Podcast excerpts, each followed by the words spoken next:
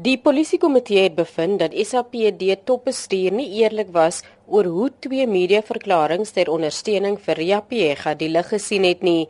Vir weke het LPS die transkripsies van 'n vergadering wat die polisie in Magubas Kloof gehad het, vergelyk met die verduideliking wat die komitee aangehoor het.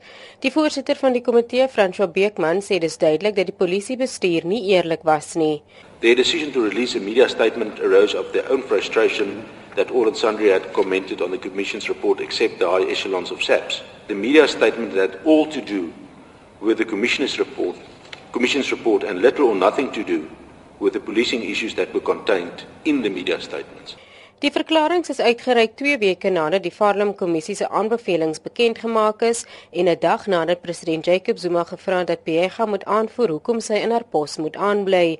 Beekman sê dit dui daarop dat die doel was om druk te plaas op die president. The committee finds that the SAPS management entered the political terrain by releasing the statements because it was time to influence the process initiated by the president. Die komitee beveel aan dat 'n ondersoek geloods word teen Pega vir haar rol in die saak. The committee recommends that the relevant executive authority consider the appointment of a board of inquiry in relation to the conduct of the suspended national commissioner in relation to the process of leading up and issuing of the BOC statement. Die polisieminister moet aksie neem teen 'n paar kommissarisse, insluitend Pega se woordvoerder Solomon Makgale. Die komitee het bevind dat hy onder meer misleidend was.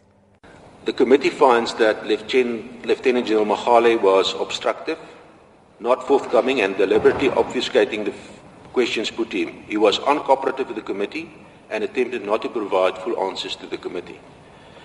The committee finds that the role in the interactions and deliberations has been to deliberately mislead the committee as who ordered him to release the statement and views his actions in a serious light.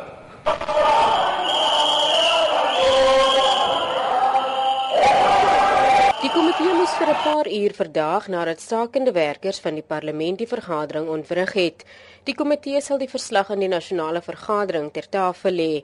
Die polisie ministerie moet teen die middel van Januarie volgende jaar terugvoer gee aan die komitee oor hul bevindinge. Zelin Merrington, Parlement.